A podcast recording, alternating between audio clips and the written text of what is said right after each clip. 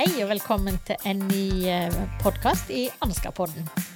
Eh, nå er det sånn at eh, vi har hatt en liten pause på Ansgarpodden på ca. et halvt år. En liten koronapause, kan man kalle det.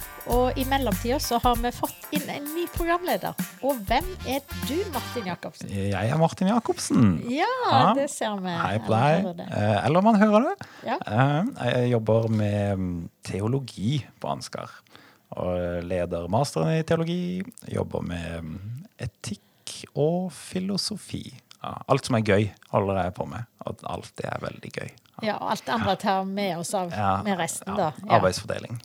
Mm, så det er bra. Men eh, veldig gøy for deg inn som programleder. Jo, takk for det. Og hvem er du? Ja. Jeg heter jo Ingunn Folkestad Beistein og er rektor her på Ansgarskolen. Og har holdt i Ansgarpodden fra vi starta opp. Um, og i dag har vi med en gjest. Uh, du må få lov til å presentere deg. Takk for det. Mitt navn er Morten Magelsen. Jeg sysler med medisinsk etikk, og Martin og jeg vi har en eh, felles interesse for kristen etikk. Kan jeg bare hive inn et sånn eh, litt uhøytidelig spørsmål i begynnelsen? da? Når du sier kristen etikk, dette har vi snakket med Martin om før, da han har vært gjest på podkasten. Eh, eh, hva, preg, liksom, hva er kjennetegn på kristen etikk kontra vanlig etikk? Oi, hvor lang tid har vi her Ja. i dag? Nei, det er klart at En kristen etikk må jo ta utgangspunkt i, i Bibelen og Guds kjærlighet til oss. At vi alle er skapt i Guds bilde. Så menneskeverdtanken blir jo veldig sentral da, i eh, en medisinsk etikk med, ut fra et kristent perspektiv. Så jeg jobber med medisinsk etikk på Universitetet i Oslo og har også en bistilling med det på, på MF, Menighetsfakultetet. Og um, er opptatt av uh, både livets begynnelse og livets slutt. Og alt innimellom, for så vidt òg. Ja. Eh, Hvor, eh, kommer din interesse fra medisinsk etikk? Eh, Ofte så er man jo involvert i det på, på bakgrunn av Ja, hva skyldes det? Jeg gikk gjennom legestudiet og var ferdig der i 2004, men følte at, at det var noe som manglet, og det var nettopp den fordypningen i de store spørsmål som handlet om, om Guds eksistens og kristent verdensbilde. Så jeg begynte å lese på si da, ved siden av legejobben da midt på 2000-tallet, og fant at uh, der var det så mye spennende. Så kombinasjonen av interesse for filosofi og kristendom og medisin, for meg ble det medisinsk etikk. da. Spennende. Spennende. Og der tror jeg vi er to som har en interesse der. Ja. Eh, der jeg har jo ikke legebakgrunn, da. Men eh, det å ta koble teologi og filosofi, kjempespennende. Så fruktbart, tror jeg. Veldig fruktbart. Ja. Um, uh, men nå, nå har du holdt på med mye etikk, og for noen måneder siden så har du gitt ut en bok om eh, fosterdiagnostikk. Mm. Um, Etiske aspekter ved det. Ja. Og det var sammen med Eivor Oftestad og Bjørn Hoffmann, to gode kolleger. Ja. Og da må jeg bare si at Eivor er jo kirkehistoriker, som er kanskje nesten like interessant som eh, etikk. ja. Nesten. Nesten. Um, eh, bok om fosterdiagnostikk altså Jeg, jeg syns det er vanskelig å uttale fosterdiagnostikk, og vet kanskje ikke alt hva det innebærer. Mm. v- kan du bare fortelle det? Hva er det for noe? Fosterdiagnostikk er jo undersøkelse av fosteret i mors liv. Og det har eh, jo kommet veldig på agendaen fordi uh, i revisjonen av bioteknologiloven for et år tilbake så kom jo det inn at nå skal alle gravide få et tilbud om fosterdiagnostikk.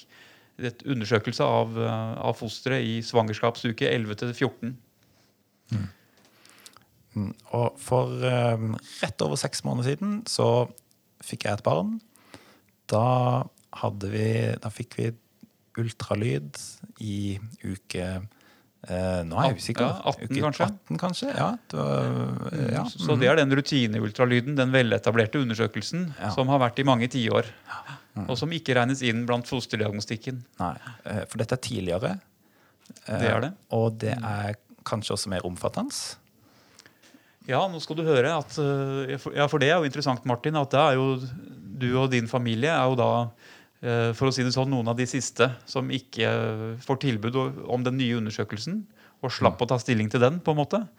Eh, Det nye nå, som blir rullet ut i løpet av 2022, er at alle gravide får tilbud da på første svangerskapskontroll når det er hos sin fastlege eller sin jordmor, om å bli henvist til sykehuset for å få en såkalt tidlig ultralyd. Og det er noe veldig spesifikt. Det er en ganske omfattende undersøkelse som gjøres av jordmor eller lege på sykehuset for å se etter utviklingsavvik eh, hos fosteret. Enten organmisdannelser eller tegn på kromosomavvik, sånn som Downs syndrom. Og hvis eh, det er normalt, som det vil være for de fleste, så går man videre og går ut derfra eh, og er beroliget. Men finner man noe unormalt, så blir det jo et tilbud om, om eh, oppfølgende undersøkelser for å stille en sikker diagnose. Hva er grunnen til at dette skal tas så tidlig i svangerskapet?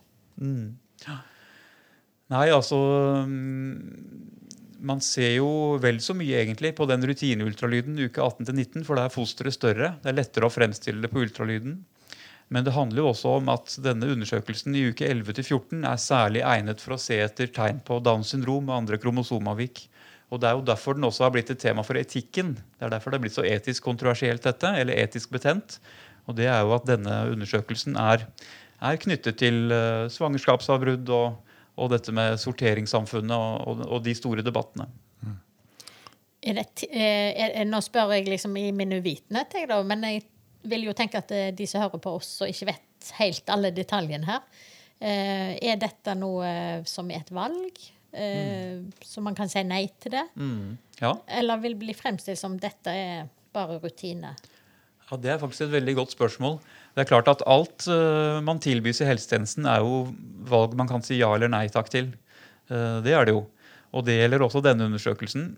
Men det er klart at det, det kommer til å ligge et slags sånn indirekte press der i det at dette er noe du får et tilbud om. Ja, hvis, hvis staten og helsetjenesten bruker så mye ressurser på dette, er det ikke nettopp fordi det er et gode og det er en forventning om å takke ja? Og det er interessant der å se tilbake på hvordan det har gått med den rutineultralyden i uke 18, eh, som da ble innført på 80-tallet. Eh, det er jo også selvsagt et fritt valg. Du kan takke nei. Men der tror jeg det har utviklet seg en, en, eh, en forventning, og at gravide også har en forventning til seg selv om at selvsagt skal jeg takke ja til den undersøkelsen. Det vil være uansvarlig for meg som kommende mor å ikke, ikke få den tryggheten for fosteret mitt. da. Så det er jo vi etikere veldig opptatt av når det gjelder denne nye undersøkelsen. Formelt vil den være fri, men kan det være en en slags eh, indirekte forventning eller press der om at du skal takke ja til undersøkelsen av fosteret? Og så er det ganske normerende når noe blir et sånn generelt tilbud. Um, en, uh, vi har jo fått et barn for litt siden, som sagt. Vi fikk også tilbud om å vaksinere dette barnet. Um, og det var også bare fremført som et tilbud, men som et helt vanlig tilbud som da man selvfølgelig hørte litt undertoner av at uh, dette burde man også gjøre. Um, og med barn så vil man jo også alltid det beste for dette barnet, i hvert fall når det også er relatert til noe sånn um, helse uh, Ja, uh, noe helserelatert. Um, så jeg vil vel også fort tenke at dette, dette blir ikke bare et sånn um, så Man kan si at det er frivillig, men det er ikke uh, ikke uten sånn et uttalt eller ubevisst press på det. da. Og så kan man jo spørre ja, men er det, hvorfor skal vi problematisere dette så mye? Altså, det er en Medisinsk teknologi går framover. Nå har denne undersøkelsen kommet. Bør man ikke ta imot den, da? Men det er ikke fullt så enkelt, fordi på den ene siden så er det ikke klart dokumentert at det er en helsegevinst av undersøkelsen. Det som derimot er klart, er at man kan finne avvik hos fosteret, som igjen kan sette den gravide og paret på vanskelige valg. Eh, og det kan være valg som man kanskje rett og slett tenker at man er bedre tjent med å slippe å ta. Og jeg tenker kanskje at for, eh, for de som har et helt avklart forhold til at ja, jeg ønsker å få kontrollert at fosteret mitt er friskt, og er det ikke friskt, så vil jeg vurdere svangerskapsavbrudd. Ja, For dem som har et helt avklart forhold til det, så er dette kanskje et framskritt med denne undersøkelsen som et tilbud til alle. Men for de som, litt, de som er mer ambivalente, da, kanskje en del kristne par f.eks., så er det mer tvilsomt, og da kan de bli satt på valg som er veldig vanskelige. Uh, indikasjoner på at fosteret har Downs syndrom for eksempel, eller en organmisdannelse. Og de kan bli satt på valget om svangerskapsavbrudd. Og så er det nærmere ikke noe lett uh, avveining å stå i. Og vanligvis så tenker man jo at valg er alltid bra. Eh, jo flere valg, jo bedre. Men det du sier nå, er egentlig at det er kanskje noen valg det er bedre å ikke få. Ja, jeg mener at man kan tenke sånn. Altså, Hvis jeg får vise til min egen historie her, så har jeg selv en sønn med Downs syndrom. En ti år gammel gutt som heter Thomas. Og det går bra med han. Og, men det interessante i dette eh, akkurat dette her er jo at han ble jo da født før eh, dette med tidlig fosterdiagnostikk kom på bane. Og hans diagnose ble satt rett etter fødselen. Og jeg tenker ofte at det var eh, litt sånn lettelse for kona og meg at, at vi ikke ble satt på noe valg. da. Jeg tenker at Med vår etikk så hadde vi et avklart syn på dette. Og hadde vi fått høre under svangerskapet at han hadde Downs syndrom, så ville vi fullført svangerskapet. Fordi det var i tråd med våre, våre verdier. Men jeg tenker likevel at eh, det var et gode for oss at det på en måte ble eh, naturens avgjørelse, så å si. At vi slapp at vi slapp å sitte og føle at vi har et ansvar for å velge å ha et barn med spesielle behov, da, som har, har øh, behov for ekstra oppfølging og ekstra ressurser. Jeg tenker at I møte med det offentlige, og mange foreldre beskriver en sånn kamp overfor kommunen for å få det man trenger, så er det egentlig øh, litt behagelig å vite at det er tilfeldig at det er vi som er satt i denne situasjonen og har, og har barn med spesielle behov. For I tillegg til det du sier, Martin, om å alltid altså, Den godene vi ofte har med å stille oss på valg, så er det jo også sånn at vi tenker at mest mulig kunnskap er best mulig. Eh, men er det nødvendigvis det? Ja, Den som her? øker sin kunnskap, øker sin smerte, Ja. står det et øh, klokt sted. Ja. Og, nei, det er jammen sant, altså. Og jeg tenker at øh, altså Eivor Oftestad, som vi snakket om, hun skrev jo en bok om, om, som heter 'Vi lager barn reproduksjonens historie gjennom 500 år'. Og Da skriver hun at i det protestantiske enhetssamfunnet eh, på 1600- og 1700-tallet så var jo det å få barn var på en måte Guds ansvar. Eh, og hvor mange barn du fikk, og hva slags barn holdt jeg på å si, det var ikke noe mennesket hadde innflytelse over. Eh, Man skulle stille seg til disposisjon for, for Guds skaperkraft som, som ektepar, og så var det Gud som på en måte ordnet opp.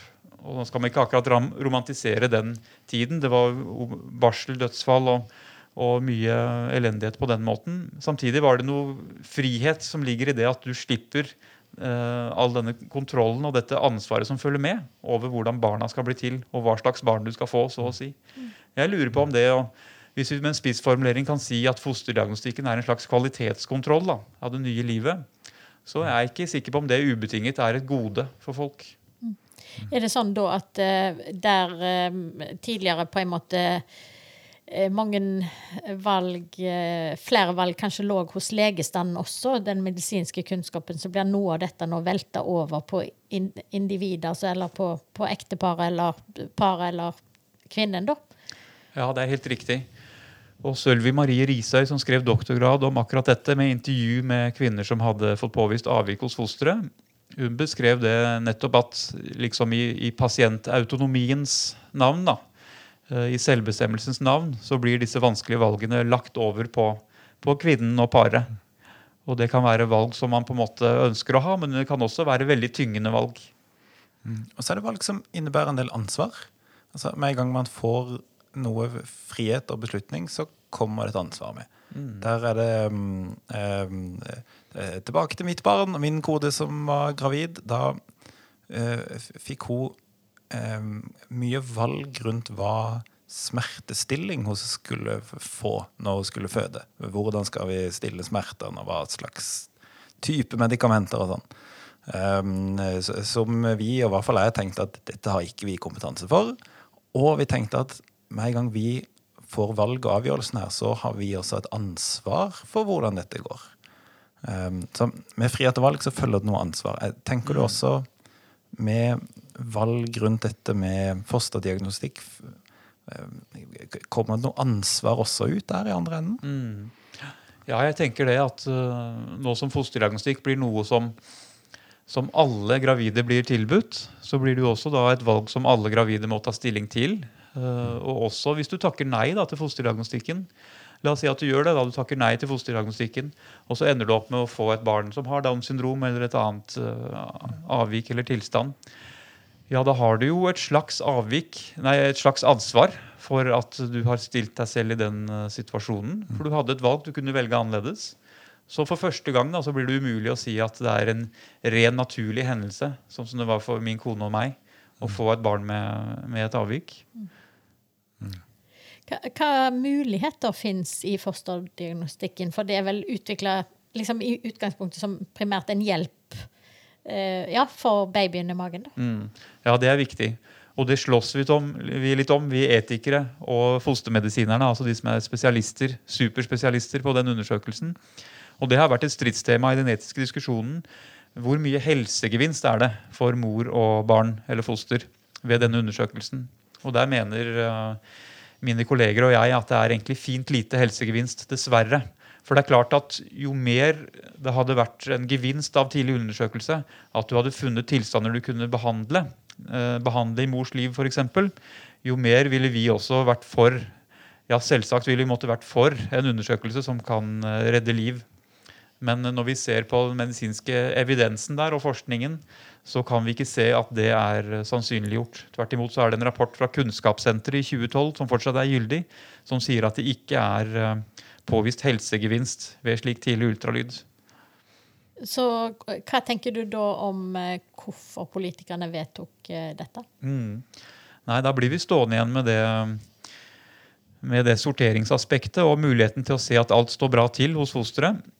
Og så eh, har politikerne sett at dette er jo noe som er populært. Mange har kjøpt en sånn undersøkelse enten i utlandet eller på, på, hos private gynekologer.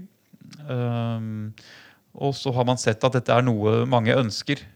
Og det henger igjen sammen tenker jeg, med at det er en, en økt uh, angstnivå, eller økt behov for, behov for, kontroll og en redusert toleranse for risiko der ute, som er en generell tendens i hele samfunnet, og som også gjør seg gjeldende hos gravide.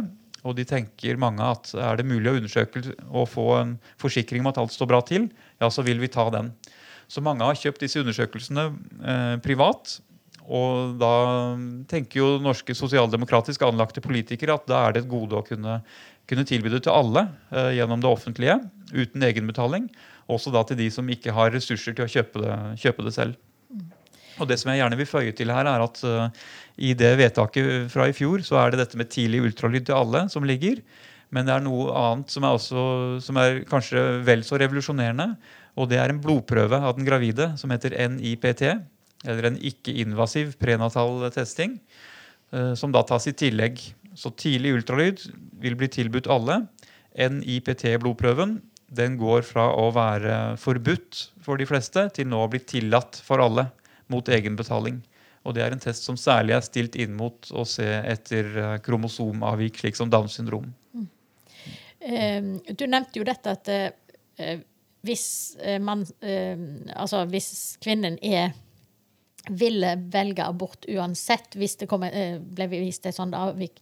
Eh, kan det være sånn at dette har en gevinst på mm. at eh, man slipper problematikken med sen abort? Mm. Ja, det er riktig, og det er kanskje, kanskje det er det beste argumentet for innføringen av denne, undersøkelsen. For den gjør nettopp at en del avvik blir oppdaget tidligere, og da kan man få tidlig, et tidligere inngrep for å avslutte svangerskapet. Det er ikke tvil om at den, eh, jo lenger ut i svangerskapet vi kommer, jo mer belastende er det både fysisk og mentalt for, for kvinnen å gjennomgå svangerskapsavbrudd. Mm. Og kanskje også for helsepersonell. Eh, eller altså eh, Hvis det ikke er en abortpille, men jeg, jeg tenkte litt på dette med ressursbruken da i helsevesenet. Um, altså, dette vil vel ha en kostnad. Hvis jeg ikke tar feil, så er det jo mange som roper på liksom, at det bør være bedre oppfølging på fødeavdelinger. Altså Her i Kristiansand så har det vært noen sånne bilder av en eh, fødeavdeling som virker som man ikke er så veldig sånn nyoppussa, eller selv om de sier alt er trygt og sånn, men det er jo vel flere fødeavdelinger som er under press. Så hva vil du tenke i forhold til ressursbruk i mm. svangerskapsomsorgen, da? Ja, de estimerer vel at uh, undersøkelsen kommer til å koste ca. 150 millioner kroner i året. Men penger er nå én ting. Vel så viktig er det som du er inne på med, med personellet. Um, Jordmødre er jo en knapp ressurs, rett og slett. Og det er de som er på fødeavdelingen selvsagt og bemanner den, men det er også de som gjør disse ultralydundersøkelsene. sammen med gynekologer, altså leger. Og det er klart, eh, og det er selvsagt mulig på sikt å, å oppjustere kapasiteten og utdanne flere. Men vi får nok noen krevende år framover nå der det er knapphet på personell, og da særlig jordmødre. Og de som har vært aller mest kritiske til det, de sier med en spissformulering at her tar vi fra de syke og gir til de friske. Og da tenker de på at uh, pasienter med, med sykdommer uh, innenfor gynekologifeltet, gynekologisk kreft og sånne ting, uh, de blir her relativt sett nedprioritert for at vi skal opprioritere de gravide som i utgangspunktet er en frisk gruppe. Så det prioriteringsetiske er viktig her. Ja. Men det er klart, samtidig, andre land har fått til dette. Dette er en undersøkelse som er veletablert i mange andre land. Så det er helt klart mulig å få til på sikt at man oppjusterer kapasiteten og utdanner flere. Tenker du at et sånt tilbud kan gjøre noe med synet på det å få barn? Um, jeg tenker det er jo en, en helt ny struktur på et vis. At man så tidlig skal begynne å se etter og kartlegge feil for å eventuelt kunne velge bort dette fosteret. Um, kan dette føre til noe sånn nytt syn på synet på å, å få og skaffe seg barn, tenker du? Ja, Det blir jo litt spekulativt, men jeg tror det er viktig i etikken å spekulere og se på fremtidsscenarioer og prøve ut, prøve ut tanker. Og det er klart at det vil være noe nytt, det der at uh, de aller fleste gravide da takker ja til tidlig fosterdiagnostikk. Og så kan du si at man går til fosterdiagnostikken for å se at alt står bra til. Men samtidig har du på en måte da sagt ja til har du ikke da indirekte sagt ja til at hvis det er et avvik hos mitt foster, så skal jeg vurdere i hvert fall å ta det bort? da. Så øh, kanskje jeg spissformulerer for mye her, men jeg har lurt på det om det, om det, om det innføres en slags betingelse der da, øh, tidlig i svangerskapet. At jeg må først ha den kvalitetskontrollen av mitt foster før jeg er villig til å ta imot det og gi det min ubetingede kjærlighet. For hvis det stemmer, så er, tenker jeg det uh, er litt dramatisk. At det blir en slags betingelse før vi kan, før vi kan trå til med vår uh, helhjertede omfavnelse av det nye livet. Eh, De muligheter og kanskje også farer da, som denne fosterdiagnostikken har, og, og genetikken osv. Hvis du ser enda, hvis du ser langt fram i tid, altså Ja, ti, langt fram, men altså, si du ser 10-20 år fram i tid. Eh, kommer vi da til å liksom bestille de barna vil ha, for å sette det litt på spissen? Ja, det er også alltid litt spekulativt, selvsagt, å se fram. Men det er veldig viktig å gjøre det. For ofte har det vært sånn at etikken har vært på etterskudd etter teknikken. Um, i, og i etikken her så snakker vi ofte om fravalg av uønskede egenskaper på den ene siden, og tilvalg av ønskede egenskaper på den andre siden. Og Foreløpig er vi jo der teknologisk at det er mulig å gjøre fravalg. For eksempel hvis det er påvist Downs syndrom hos fosteret, så kan vi avslutte svangerskapet. Og det jeg ser på horisonten der, er at den NIPT-blodprøven eh, den tester indirekte for fosterets gener. Og foreløpig så er den ikke så finkornet. Den ser på kromosomene, altså disse store strukturene som vi har 46 av i hver celle. Og da kan den finne kromosomavvik, slik som Downs syndrom. Men det ser ut til å bli mulig å teste og kartlegge alle fosterets gener med den blodprøven. Og da har vi en revolusjon hvis det er sånn at vi i svangerskapsuke 9 kan få en full oversikt over fosterets gener og, og alle sykdommer som er forårsaket av gener. Og, og, så skal man da måtte ta valg om å fortsette svangerskapet eller å avslutte det på bakgrunn av det. Og det vil gi mye hodebry og etiske utfordringer. Da får du jo spørsmål som f.eks. Ja, én ting er nå alvorlige sykdommer, men hva hvis fosteret har en sterkt forøket risiko for tidlig Alzheimers sykdom? da, Eller demens? Skal det telle inn? Skal, hadde det ikke egentlig vært bedre å ikke vite det i det hele tatt? Det er en del sånne ting som kommer inn uh, hvis det blir mulig å kartlegge alle fosterets gener. Så det er det med fravalg. Og det andre aspektet her eh, i fremtidsscenario er jo dette med tilvalg. Og da og Det er kanskje et hakk mer science fiction, men, men allerede for et par år siden så ble det jo uh, rapportert at en kinesisk forsker hadde genredigert uh, et tvillingpar. Satt inn et nytt gen hos, uh, hos to tvillinger. Og da har han på en måte bevist at vi er i stand til å endre genene til det nye livet. Og da kan man jo tenke seg at fremtidens uh, barneproduksjon skjer på laboratoriet ved prøverørsbefruktning. Så tar man ut en celle og tester genene til den, ser at alt står bra til. Og så gir man kanskje en genetisk boost ved å sette inn noen ekstra gener som vi vet er ekstra gunstige. Da har vi kombinert dette med fravalg av uønskede egenskaper med tilvalg av ønskede egenskaper. Det er litt science fiction, men hvem vet om vi kan komme dit eh, i løpet av noen tiår. Dette er jo så spennende at vi kunne jo holdt på veldig lenge. Og jeg må jo bare si at uh, etikk uh, og medisinsk etikk er veldig viktig og, og interessant. men vi pleier jo å ende disse podkastene etter sånn en 25 minutter. så det var veldig fint å ha deg her, Morten. Og ja, hva skal vi gjøre framover, Martin? Skal vi ha flere podkaster? Eh, vi skal ha masse flere podkaster. Ja. Um, så nå blir det en, eh, en ny høst fullt av podkaster. Nesten hver uke, kan vi ikke si det? Jo, nesten ja. iallfall annenhver uke. Ja. Sånn cirka, mm, kanskje. Mm, ja. vi, vi, får se hvor ofte ja, vi Annenhver er nesten hver uke. Ja, det er nesten hver uke. Det er helt, helt enig. Men, men nei, takk for at du kunne komme, Morten. Uh, Klarne opp i hva, hva dette nye tilbudet er for noe. og se her at um, her er det mange linjer til syn på frihet og ansvar og behov for kontroll, eh, og noen menneskesyn som ligger bak. ikke sant? Mm. Hva er dette idealmennesket vi strever etter? Og hva mm. betyr det i denne medisinske konteksten? Ja, Vi har åpnet opp for de store spørsmål her.